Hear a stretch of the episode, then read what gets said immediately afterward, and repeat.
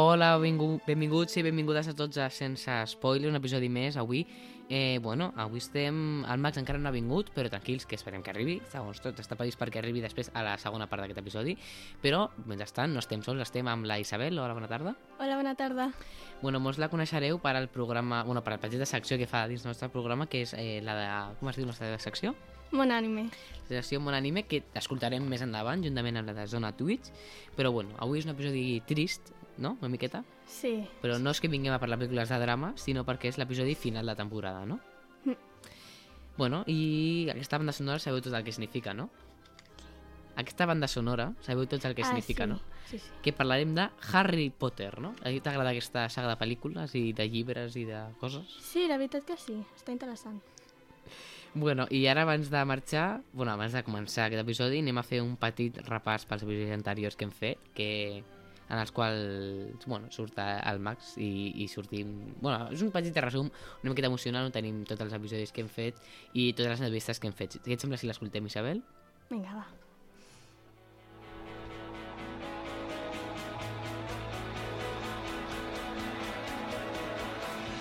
Benvinguts al Sense Spoiler. Eh, també tenim, ara diré alguns de, de la segona part. I té, té que lluitar, no?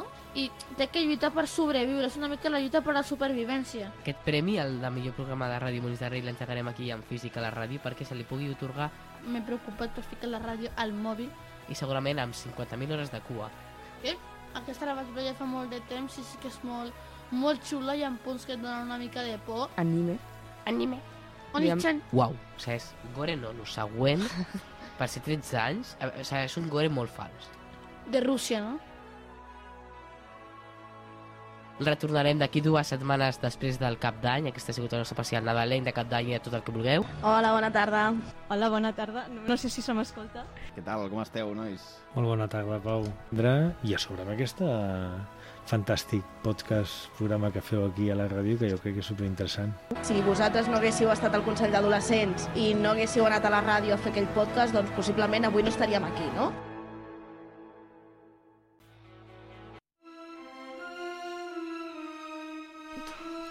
Bueno, doncs bé, després d'aquest petit resum d'episodis, per si no, els- no sé si els havies escoltat tots, doncs aquí tens un petit resum, Isabel, de, dels episodis i les persones que m'han entrevistat, no? Vale, doncs ara, dit això, comencem amb l'episodi, no? Amb la, que vindria a ser la part episodial. Bueno, anem a comentar, si et sembla, els tres personatges principals que té aquesta gran saga de, de pel·lícules. El primer segur que el coneixes, no?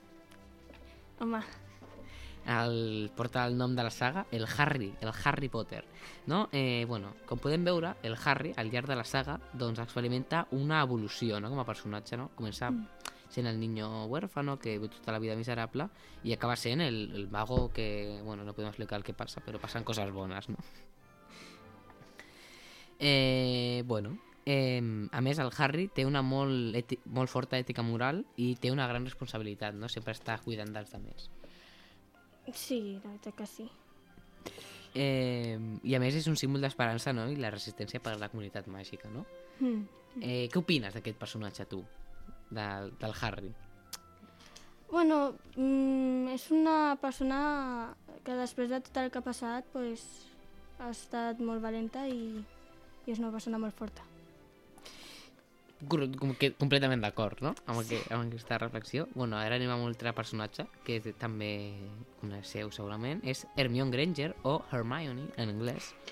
Eh, bueno, eh, Hermione Granger és un personatge conegut per la seva intel·ligència i valentia, no? És la, com la listilla del grup i del principi tothom és com, oh, la sé. però veiem que a part de ser llesta és valenta i audaç i sempre, bueno, sempre ajuda, no? I és una gran, és una, és un gran pilar de la saga que fa que continuï desenvolupant-se, no?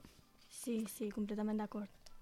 Eh, bueno, i a més, és una aliada indispensable del Harry i el Ron i la seva dedicació amb els seus amics i la fa un personatge doncs, molt estimat i admirat per tothom, no? Eh, no sé, què, què et sembla, Hermione, no? Doncs sí, estic completament d'acord amb tu i, bueno, coincideixo amb tot. Vale, doncs... I ara anem a l'últim, a l'últim gran personatge principal d'aquesta saga. Saps quin és, no? Esclar. El que falta. Sí. Com havies dit tu, el pelirrojo de Harry Potter. I que faltava. Ron Weasley. Eh, conegut per la seva amistat i lleialtat, no? També com, com, com els altres que hem dit, no? El Ron pues, ve de la- d'una família que són moltíssims fills, que no és la més rica de totes, no? Com podem veure per la seva vestimenta i la seva casa a diferents pel·lícules de Harry Potter, no? Encara que mm, tothom diu que és el, és l'amigo del famosillo del Harry, eh, ell sempre demostra una lleialtat indestructible a cada desafiament que, que, que, bueno, que fa amb el que es troba, bàsicament, no? I, a més, és superar les seves pròpies inseguretats, no? No volem dir res, però un tema d'aranyes, no?, a la Sí. segona pel·lícula.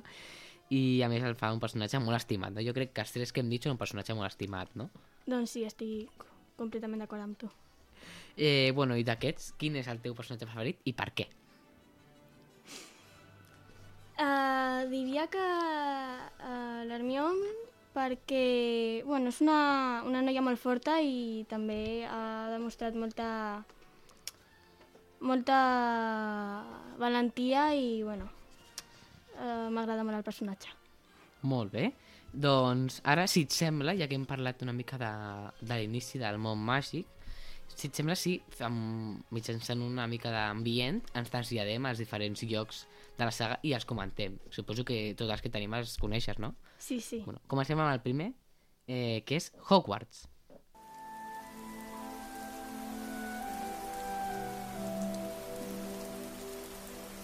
Issa, imagina't, ara ens hem traslladat al gran menjador. Està tot envoltat de les cases de Hogwarts. Les torxes il·luminen el lloc i el sostre està encantat, perquè tot el cel sembli estrellat. Aquesta rima que, que he colat, sense voler. Eh, tot és increïble, però el millor de tot és el menjar. Tenim plats que s'omplen màgicament amb menjar deliciós. Pots imaginar pastís de carbassa, pollastre rostit o gelat de tots els sabors. Quin és el teu menjar preferit? Així, ho polem, aquí al mig de l'episodi. Uh, doncs m'encanta el gelat i, i els macarrons del meu pare.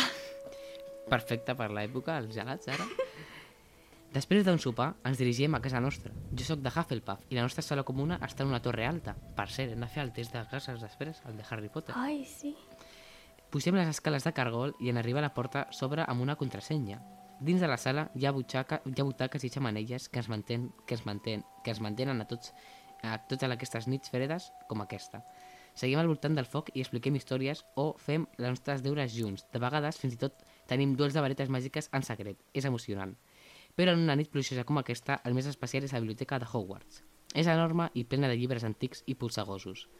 Ens encanta perdre'ns ens encanta perdre'ns entre les prestatgeries i descobrir llibres sobre criatures màgiques que ni coneixíem. També encanteris i històries de bruixes i mags famosos. A més, el més important és que pots escoltar el so de la pluja colpejant les finestres mentre llegeixes, mentre llegeixes i et submergeixes en un món completament diferent. I quan, arriba la, i quan arriba l'hora de dormir, tothom als seus dormitoris. Els llits són còmodes i cadascú té cortines que els envolten per donar-nos privadesa. Pots escoltar el so de la pluja, com ara, a la taulada, mentre t'arreuleixes sota les mantes i deixes, deixes portar els pèls pels somnis. Recorda, ets a Hogwarts i tot és un món màgic.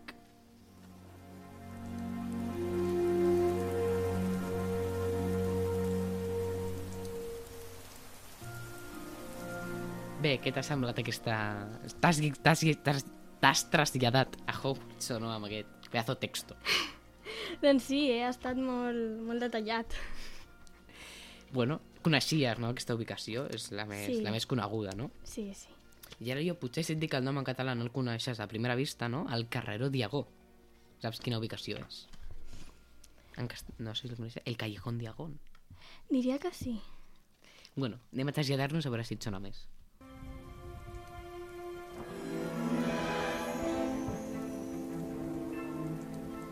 Ens hem traslladat.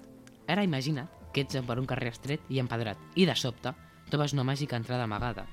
En passar per ella et trobes al carreró Diagó, un lloc ple de botigues màgiques i meravelloses. La pluja, com abans, cau sobre les parets i la lluna plena brilla al cel, donant-li una brillantor especial a tot. Passeges pel carreró Diagó i veus les botigues amb els seus aparadors brillants. La llum de la lluna reflecteix les vitrines, fent-les lluir encara més màgiques. Pots comprar les, paret, la, pots comprar les teves varetes màgiques Ollivanders, llibres encantats a floris i poluts o escombres voladores a la botiga de Quidditch. Tot sembla tenir una obra misteriosa i emocionant. En una nit com aquesta, el carreró Diagó s'omple de vida. Els bruixots i les bruixes estan emocionats, saltant de botiga en botiga, comprant tot el que necessiten per al proper any.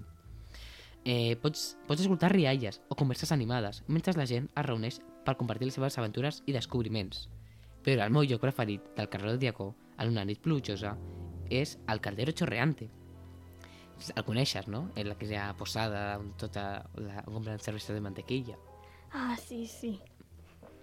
Eh, com dèiem, és una posada màgica plena d'ambient i calidesa. Els llums brillants i les taules plenes de gent creen una atmosfera acollidora. Pots escoltar música alegre mentre els bruixots i les bruixes gaudeixen d'un deliciós sopar i xerren entre ells. Alguns fins i tot toquen instruments màgics. La, la pluja del carreró Diagon també ha afegit un toc especial als aparadors dels negocis, com hem comentat.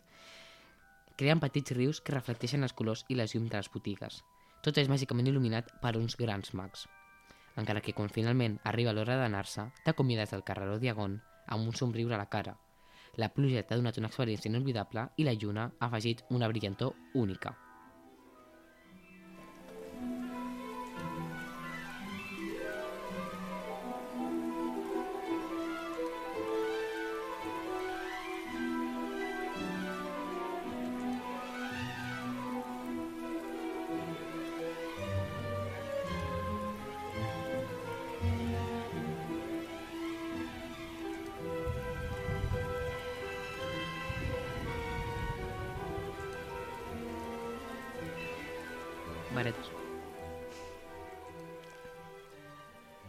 Què t'ha semblat, no? Aquesta, aquest trasllat màgic al carrer de Diago, que com dèiem, coneixies, no? Sí, uh, uah, m'ha encantat perquè eh, em dones uns detalls bastant detallats i m'agrada molt la tenda de varetes, la veritat. És molt... Olivander, sí, bueno, potser sí. és la més coneguda de totes, no? Sí, sí. La que segurament més gent hagi conegut perquè Floris i Blutz, no, eh, poca gent la coneix, no?, aquesta tenda, mm. encara que en el fons els llibres de màgia són els més importants, no? Mm. Però bueno, i ara anem a l'última, a l'última ubicació. Eh, saps quina és? Saps quina és? Un joc una mica perillós. Sí, el nom ja ho indica, no? El bosc prohibit.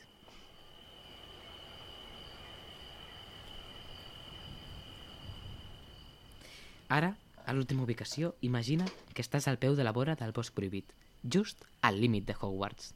Encara, encara, no, encara que ara no plou, la foscor del bosc crea una atmosfera misteriosa, misteriosa. La lluna brilla al cel, il·luminant part del camí, però també fa que les ombres dels arbres semblin moure's. Et sents ple de curiositat i una mica nerviós alhora. Quan entres al bosc prohibit, tot es torna silenciós. Els sons de l'escola i de les petjades que estem escoltant ara eh, i els veus dels amics desapareixen. Només se sent el cruixir de les fulles sota els peus. Mentre avances amb cautela, els arbres alts t'envolten, creant una mena de sostre natural. De vegades pots escoltar alguna criatura misteriosa. Centaures, unicorns i moltes altres criatures ens, ens referim. Algunes semblen amistoses, mentre que altres et fan sentir un calfred a l'esquena. Saps que ha de ser respectuós i mantenir la distància. No voldríem tenir problemes. El bosc prohibit també és ple de secrets i sorpreses. Pots trobar plantes màgiques i estranyes que, se- que es creixen a racons cults, no? Potser per crear coses eh, d'encantaments i pocions. Mm. Pots tocar troncs vells i rocosos amb inscripcions tallades per bruixes i mags de fa ja molt de temps. Cada pas et porta més endins a un, de, a un món ple de meravelles i perills. Encara que el bosc prohibit pot ser una mica aterridor, també és emocionant. Saps que exploren un lloc que molts no gosen entrar. Et fa sentir valent i et desperta una curiositat per descobrir més sobre la màgia que envolta Hogwarts i el bosc màgic. Però no has d'oblidar que el bosc prohibit és perillós. És important anar en compte i seguir les regles per no ficar-se en problemes. La màgia del bosc prohibit és una cosa que has de respectar i admirar amb la distància segura.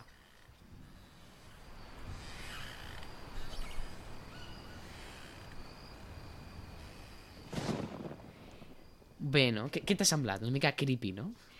Uah, arribo a estar jo al bosc prohibit i estic en pota i en plan... Però sí, m'encanta com, com m'has donat tants detalls i, bueno, Que és, eh, que, abans has comentat que recordava aquí. És que no, no m'he acabat d'escoltar, si vols. No, que... Que arribo jo a estar ahí i, bueno, no... no acabo ben parada. Bé, doncs ara eh, tenim una cosa, però si vols l'adelantem o la passem més enllà, val? i és que anem a parlar sobre la màgia de Harry Potter, no?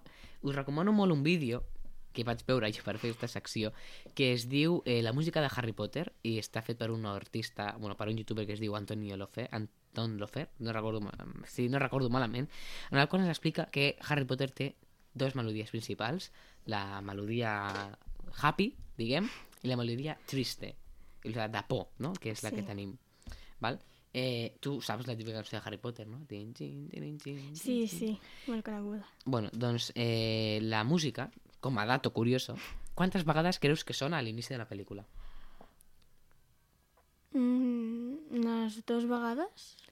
Sona en 11 minuts, que és quan eh, la, la, la, la McGonagall i el, i el Dumbledore estan entregant el fill, aquella escena dura 11 minuts. En aquells 11 minuts, la cançó sona un total de 11 vegades sona la cançó. Per...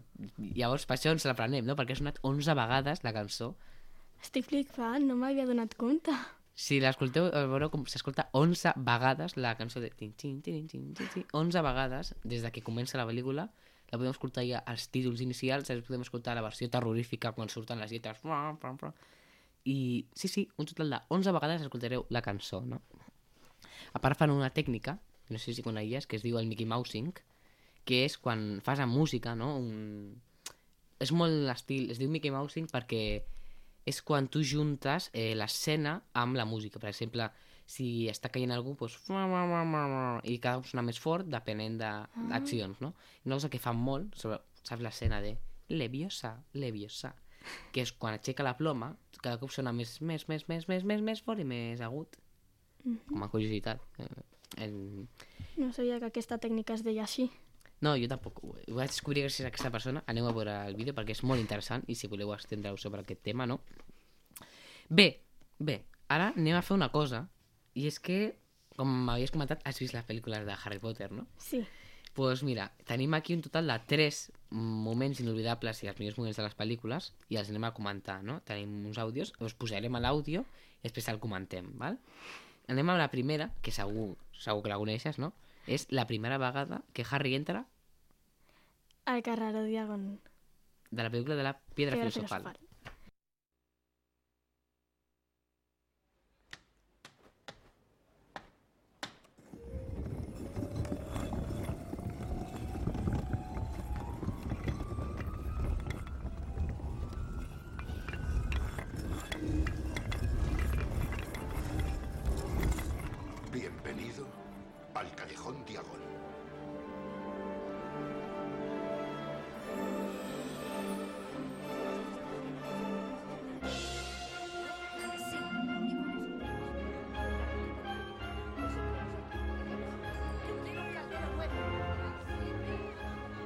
Aquí se compran las plumas y la tinta. Y allí los artilugios necesarios para hacer magia.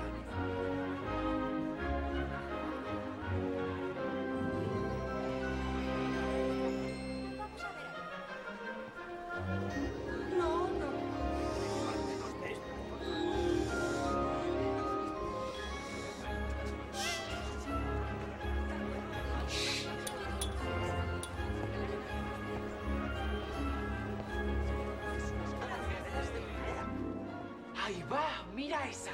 Es la nueva Nimbus 2000. ¡Qué bonita! Es el modelo más rápido. ¡A que mola!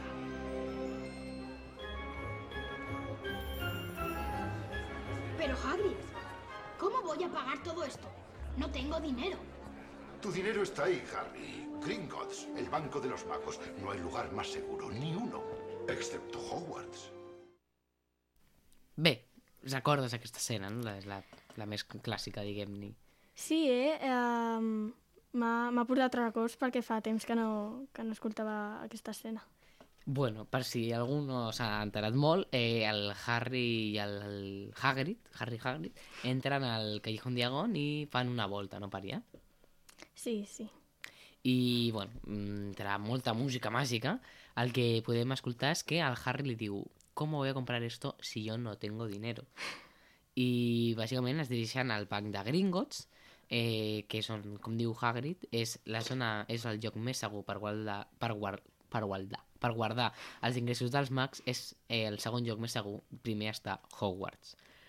Bé, eh, escena de la primera pel·lícula, mm, surt als primers minuts, I això.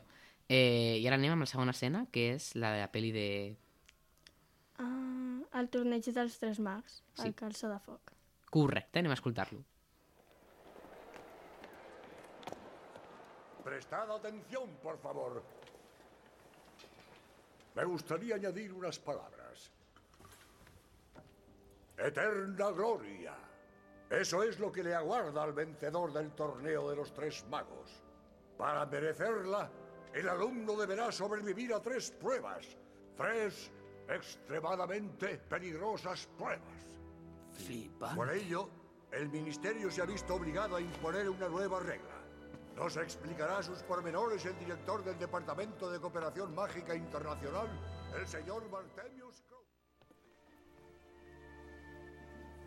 Tras la debida consideración, el Ministerio de Magia ha concluido que por su propia seguridad ningún alumno menor de 17 años estará autorizado a inscribirse para el torneo de los tres magos. Esta decisión es inapelable. ¡Silencio! Es que no entiendo por qué.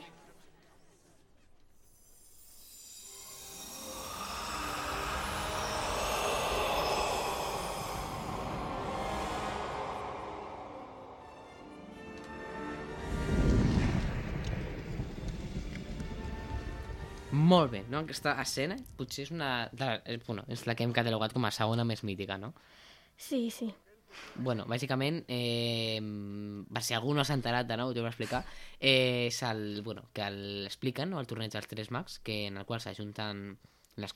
Bueno, perquè, no, no sé, jo crec que ho sabies, no?, que no només hi ha Hogwarts, sinó que hi ha eh, tres escoles de màgia més, Sí. i bé, doncs, bàsicament, eh, el que passa és que diuen, posen una normativa que per seguretat només poden participar majors de 18 anys, si que no m'equivoco. No? I aquesta pel·lícula, a mi a mi m'agrada, no? Aquesta pel·lícula és, és diferent, no? Sí, completament d'acord. I el que sí que... Eh, ja, parlant des d'un punt molt més crític, és com que al fons, en el fons estan basant tota la pel·lícula en uns jocs i ja no és tant com l'essència Harry Potter. Sí que és bastant trista la pel·lícula. Sobretot pas de Sí. Hufflepuff. Sí. No fem spoiler, no? Que a algú estem No, no. spoiler. No? I ara sí que ja anem a l'última escena, la qual no posarem àudio perquè si no ja hagués estat tota l'estona pi, pi, censurat perquè us spoilegem mitja peli. I és que anem a la batalla final de les relíquies de la mort.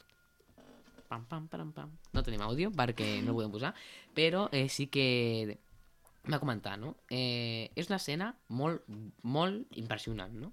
Perquè sí que, per si no ho sabíeu, com estàvem comentant abans, és que mm, amb la nostra maga de confiança, que és la Eli, que ella sí que fa màgia amb les nostres edicions, eh, doncs el que estan comentant és que Harry Potter comença amb un públic molt més apte, que crec que és uns 7 anys o 12, i acaba ja amb un més 16, perquè té com més, més realisme, no?, les batalles. Sí. Eh, a mi hi ha una cosa que no m'agrada i és quan a les pel·lis, aquestes com de màgia ja perd tot el sentit i comencen ja pa, pa, pa, disparar per disparar Ah, eh, sí. ja màgia. I dius, què? Sí. A Harry Potter que disparen ratlles verdes i, rayos- i dius, no, és el que em passa amb Star Wars una mica a mi, eh? Sí. De tot això. I, i bé, doncs no podem comentar molt més perquè no volem spoilejar-vos, Sí. no? I ara anem a fer una cosa que jo crec que tu tenies ganes de fer, no? Perquè jo he dit ja, jo vaig fer el test oficial de Harry Potter i va, jo vaig donar que era Hufflepuff, però saps de quina casa ets tu? No.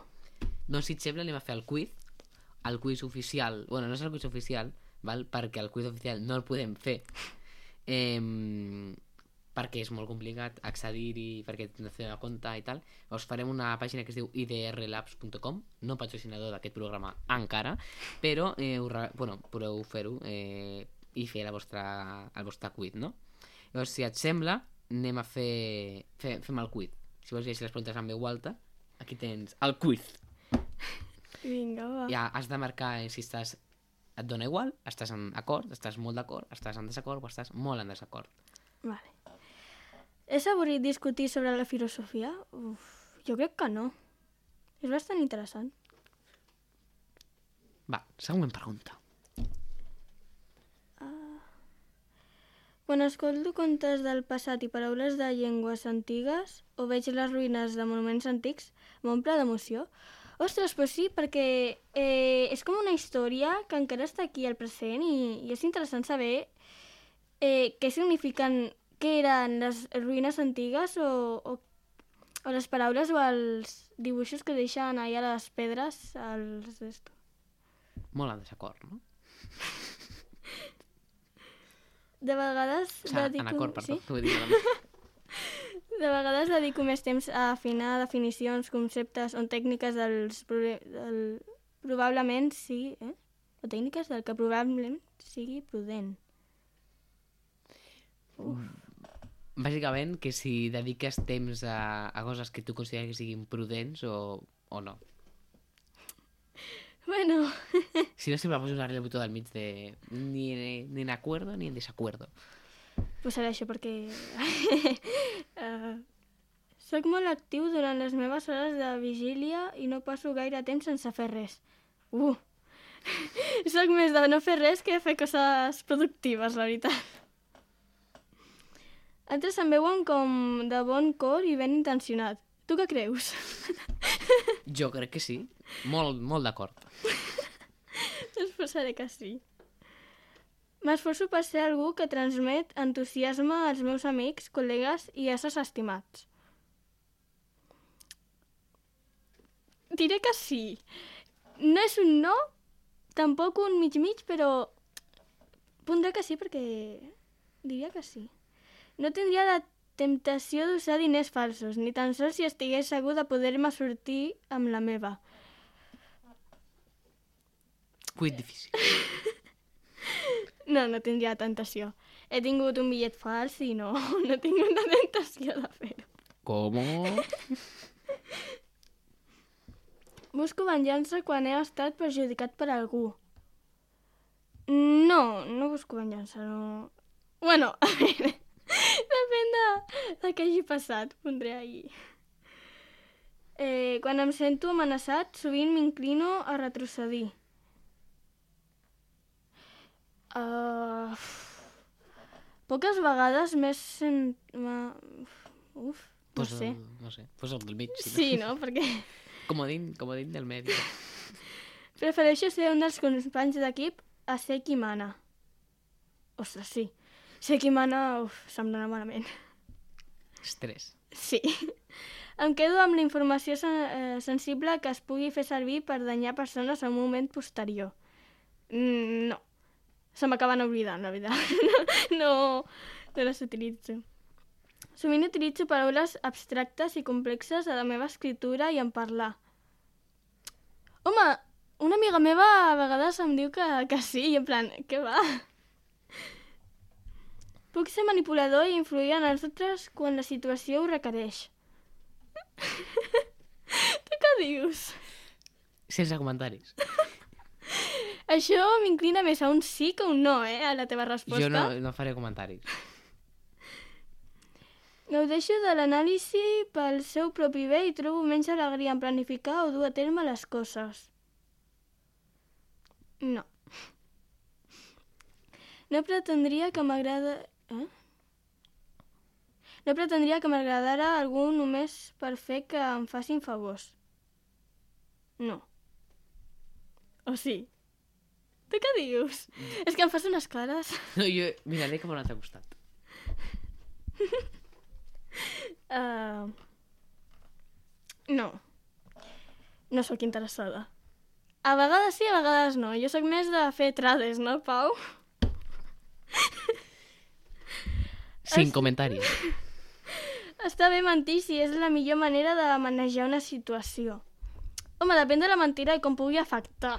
A veure, siguem sincers, tots alguna vegada hem, hem, fe, hem dit alguna mentida. Sin comentaris. Mostro obertament la meva impaciència quan altres s'interposen en el camí del progrés. Potser no obertament, però sí que estic a vegades ahí... Però no, obertament crec que no. Sovint penso que les persones s'haurien d'esforçar més per ser bondadosos i respectar-se mútuament. Home, a veure, a vegades sí que és cert que, que fa falta una mica d'esforç per, per respectar-se mútuament. A veure. Menyspreu a les persones que comparteixen els seus secrets. No, no, no. Normalment tinc una forta influència en la presa de decisions en grups. Ostres, doncs no sé. Tu què dius? Perquè jo no... És que no... Tu sabràs, tu sabràs Ja, coses. en aquestes preguntes, mm, la veritat que no, no sé què respondre perquè, mm, perquè no em fixo en el que faig en grup i. Posaré el comodín, com diu el Pau, perquè no... Comodín del, del mig. Em sembla natural prendre el control quan els altres no ho fan. Doncs sí, perquè sí, a vegades eh, els grups de, jo que sé, projectes, no? si ningú pren el control, no, no, no arribem a cap lloc. I fins i tot quan la gent m'ha perjudicat em resulta fàcil perdonar i oblidar. Oblidar, oblidar, no, més que oblidar és com que, bueno, ho deixo passar, però sí. De vegades miro una enciclopèdia només per diversió. Home, depèn, eh? depèn perquè a vegades em surten coses i dic, uh, vinga, va, a veure... Sembla avorrit, però, ostres, eh... a vegades aprens coses. M'esforço molt quan intento aconseguir un objectiu. Depèn. Si em dius crossfit, sí que m'esforço. Si em dius vaig a treure un excel·lent a l'examen de mates, ja m'ho penso. Perquè mates, si no ho entens, com sempre dic, és... és mates. Que utilitzaré el comodín ahí del mig perquè no... I... ui, A veure, sisplau, intentem, intentem no entrar intentem no posar un tuit, sisplau. Molt bé. Bueno, els resultats són 46% Gryffindor, 63% Slytherin, 71% Ravenclaw, 75% Hufflepuff. Per tant, ets Hufflepuff. I diu, Hufflepuff... Perdó, un moment. Hufflepuff, Hufflepuff, on els justos i, i lleials aquests pacients Hufflepuff són autèntics i no temen a la feina dura. Els Hufflepuff valoren la dedicació i la paciència, la justícia i la lealtat. La mascota de casa és el teixó, i el, bueno, un tejón. Eh, I els seus colors són el groc i el negre. Tendeixen a ser inclusius i tolerants, valorant el joc net i el bon ànim, l'entusiasme i en lloc d'una aptitud particular, ells mateixos o en els amics. Tenen un fort sentit del bé i del mal, s'esforcen per ser amistosos i honestos. A causa de la seva modèstia i naturalesa bondadosa, els Hufflepuffs de vegades poden ser subestimats o vistos com a menys competitius que els altres. Són modestos sobre els seus èxits i no li agrada la rivalitat social. Els Hufflepuff generalment són acceptats per tots.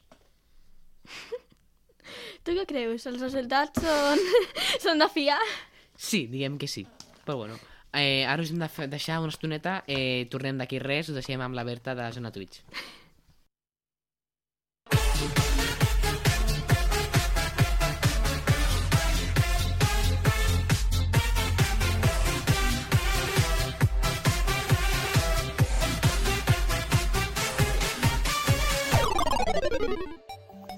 Hola a tots i totes, sóc la Berta i deixem el món màgic per parlar-vos una estoneta sobre els Muggles. Tenim la tercera ronda de la segona temporada de Disaster Chefs, l'esdeveniment on streamers lluiten al pur estil Masterchef. Els participants d'aquesta jornada eren Telmo Ternati, Benji Verdes, Nissan Steri Manute, Ander Inacles, Barbecue i Sekiam, Luna Clark i Elisa Waves, Sergio Ferra i Black Españolito. Com a jurat tenim a César Blue i Patricia i com a presentacions Iva Gimasi, com sempre. Res especial a comentar durant aquesta jornada, excepte la caiguda de la truita d'Elisa. Important, això sí, els guanyadors de l'anterior edició han sigut descalificats per fer trampes, ja que van fer un canviazo amb unes croquetes congelades. En aquesta edició, Sergio i Black van guanyar la primera ronda i els eliminats de la primera, Ander i Nacles, eliminats de la segona, Sergio i Black, van ser els eliminats. Exacte. Els antics guanyadors i els guanyadors de la segona van ser Telmo i Benji i els guanyadors de la nit d'aquesta edició ha sigut Telmo i Benji de nou. Acabem amb la confirmació de la relació de Carola i Reed. Es veu que van trobar unes imatges d'un esdeveniment molt gran on moltes persones poden entrar-hi i els van pillar junts. Ara tot el món està parlant d'aquesta nova relació i es diu que és la relació de guapos, ja que els dos són molt guapos, eh, generalment tothom els hi diu això. I ara sí que sí, la sèrie Éxodo ha finalitzat amb una final d'èpic nivell cinematogràfic. Això és tot per avui. Us deixo de nou amb el Hogwarts Express.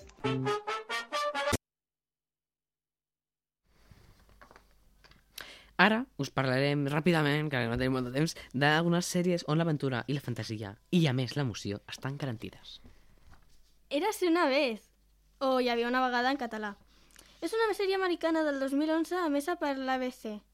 Barrejant el món real i els contes de fades. Explica la història d'Emma Swan, una dona a qui la vida li canvia quan el seu fill, Henry, a qui havia donat en adopció 10 anys abans, la troba. Henry està desesperat per ajudar la seva mare biològica i pensa que aquesta és la filla perduda de Blancaneus i el príncep blau. Per estrany que pugui semblar, Henry creu que Storybrooke, el poble nova d'Anglaterra on viu, és realment per d'una maldició maledicció llançada per la reina que va congelar els personatges de contes de fades en el món modern i, els, i va borrar, esborrar els records de la seva vida anterior. Per descomptat, Emma no creu, Emma no creu ni una paraula ni una paraula, però quan arriba a Storybrooke no pot deixar de sentir que les coses no són del tot normals en aquell lloc. Podeu veure aquesta sèrie a Disney+. Plus. Bueno, jo sé que aquesta sí que l'has vist, perquè ja m'has comentat. Sí. Que la valores, la recomanes? Sí, no... Sí, uh, és interessant perquè és com que enllacen tots els contes ahir de, de, que et contaven de petit. La Blancaneus, que... i moltes... La, la Rapunzel i tots aquests contes o històries de... bueno, petits així. Bueno, ara anem a parlar sobre Perdidos, no? una sèrie que hem comentat molt i seguirem comentant. Eh, Lost, en el seu títol original en anglès, eh, bueno, parlem de sèries mítiques quan parlem de Lost, no? Eh, va generar un fenomen de fans durant, durant, els seus, durant els seus sis anys i les seves sis temporades que va durar, no? Va ser una sèrie dirigida per JJ Abrams, director de cinema reconegut eh, i a més de gran prestigi, no? Que explica la història del vol 815 d'Oceanic Airlines, que anava de Sydney, Austràlia, fins a Los Angeles, als Estats Units. No? Aquest bueno, s'està veient una isla, illa remota al Pacífic eh, degut a diversos problemes ocorreguts durant el vol. No, no podem dir quins són perquè ja ho explica la sèrie. No? Eh, bueno, allà, eh, allà es va desviar la seva trajectòria i han perdut les seves comunicacions. Això deixa a un grup de supervivents a una illa al mig de la nada.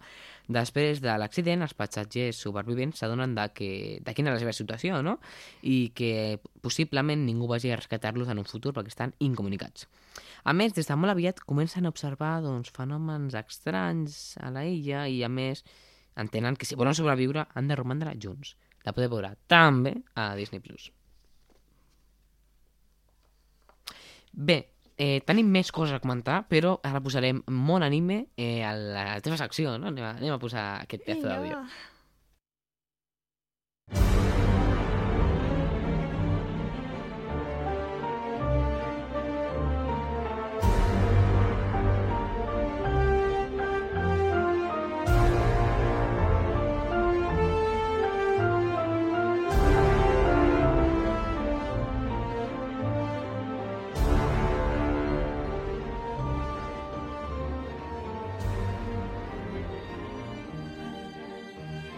Benvinguts a Mon Anime, el programa on parlem de les millors pel·lícules i sèries d'anime.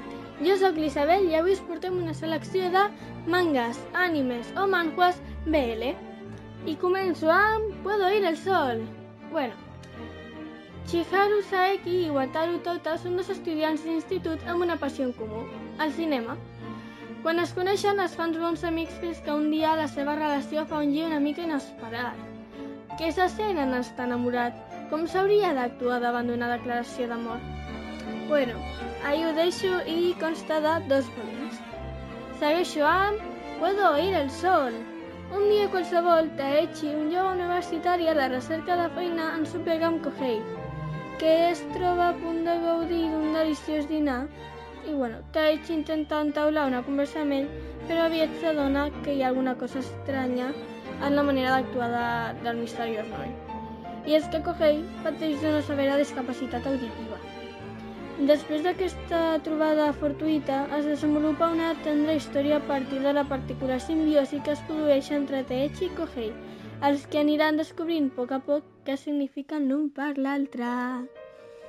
Bueno, consta de sis volums. Segueixo amb La bendición del oficial del cielo. Bueno, fa 800 anys, el príncep hereu de sang pura i noble, Xelian, era un fill del cel ben considerat amb límits limitats. Tot i això, qui sabia que després de pujar aconseguir la immortalitat i convertir-se en un déu marcial que milers de persones adoraven, la seva vida només s'aniria costa avall. Va ser degradat i va caure a les files fins a arribar al fons. 800 anys després, Shelian ha pujat una vegada més, però aquesta vegada no tenia els seguidors ni cap encens cremat en nom seu. Un dia, quan tornava de recollir les escombraries, recull un jove misteriós i el porta a casa seva. Tot i això, aquest jove en particular resulta ser Hua Cheng, l'infame rei fantasma conegut en els tres regnes per poder canviar tant el seu gènere com la seva aparença en un obrir i tancar d'ulls. Consta de 8 volums i podeu trobar la novel·la en anglès a la Casa del Llibre. I a Netflix podeu veure una, els primers episodis. Segueixo amb Grandmaster of Demonic Cultivation, Um, també podeu trobar la novel·la a la Casa del Llibre en anglès i també podeu trobar um, alguns mangas en castellà de, bueno, d'això. I consta de sis volums. Bueno, després de ser un dels fundadors del cultiu demoníac, Wei Wuxian va trobar el seu destí a la mort, o això que ella, perquè ha rebut una oportunitat de reencarnar-se en un nou cos. Ara té dues missions, du a terme la seva venjança i la del cos que ocupa. I per si això no fos suficient, un enemic del seu passat reapareixerà a la seva vida i ho canviarà tot. Espero que us hagi agradat i fins la pròxima!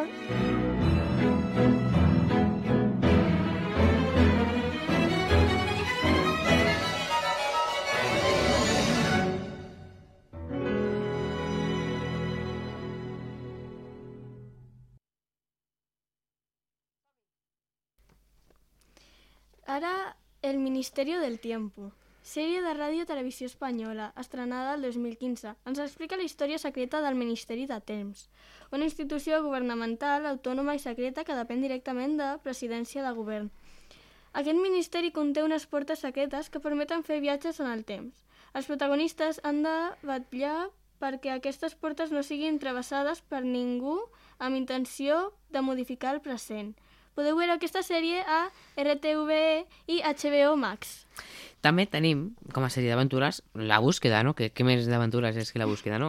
Aquesta sèrie que es diu Más de la història és una sèrie americana produïda i cancel·lada per Disney Plus, que va ser estrenada l'any 2022 i cancel·lada l'any 2023 amb una clara inspiració de pel·lícules de La búsqueda, interpretades per Nicolas Cage. En aquest cas, un grup de joves investigaran sense voler l'herència familiar de la seva protagonista, la Jess Valenzuela, i es trobaran molts entreblancs per aconseguir saber la veritat oculta. Entremig de la recerca, dolents, molt dolentíssims, com Catherine Zeta-Jones, li faran la vida una mica més complicada. La podeu veure a Disney Plus la primera temporada i la segona temporada no, perquè han decidit cancel·lar-la. Ara, Hora d'Aventures. Sèrie d'animació estrenada al 2008 que conté 9 temporades. La sèrie ambientada en un futur post-apocalíptic ens mostra a Finn, un noi de 12 anys que viu amb, amb Jake, un gos de 32 anys amb poders màgics, que és el seu millor amic. Viuen a Quod, un entorn ple de personatges surrealistes i animals que parlen, on la màgia i l'alta tecnologia s'uneixen per crear estranys i nous artefactes, i on es dediquen a tenir aventures com salvar princeses, lluitar contra el mal, explorar llocs desconeguts i ajudar als necessitats. Podeu veure aquesta sèrie a Movistar Plus i HBO Max. Molt bé, doncs dit això, eh, se'ns acaben els minuts, però tranquils, perquè com us vam dir, aquest episodi és de dues hores. L'únic que l'hauré d'escoltar en diferents períodes. Eh, dit això, Ara sí que sí, deixem la primera part en ja. Us deixem amb una cançó que hem recreat per aquest episodi, és la cançó When I Grow Up de Matilda. Eh, seguim a la segona part, l'hem fe, fet amb un programa d'edició, no sabem tocar el violí des d'aquí, però eh, res, deixem a la segona part que parlarem de l'impacte cultural de Harry Potter, com van ajudar les pel·lícules a popularitzar la saga i l'adaptació cinematogràfica, cinematogràfica contra els llibres. Adeu! Adeu!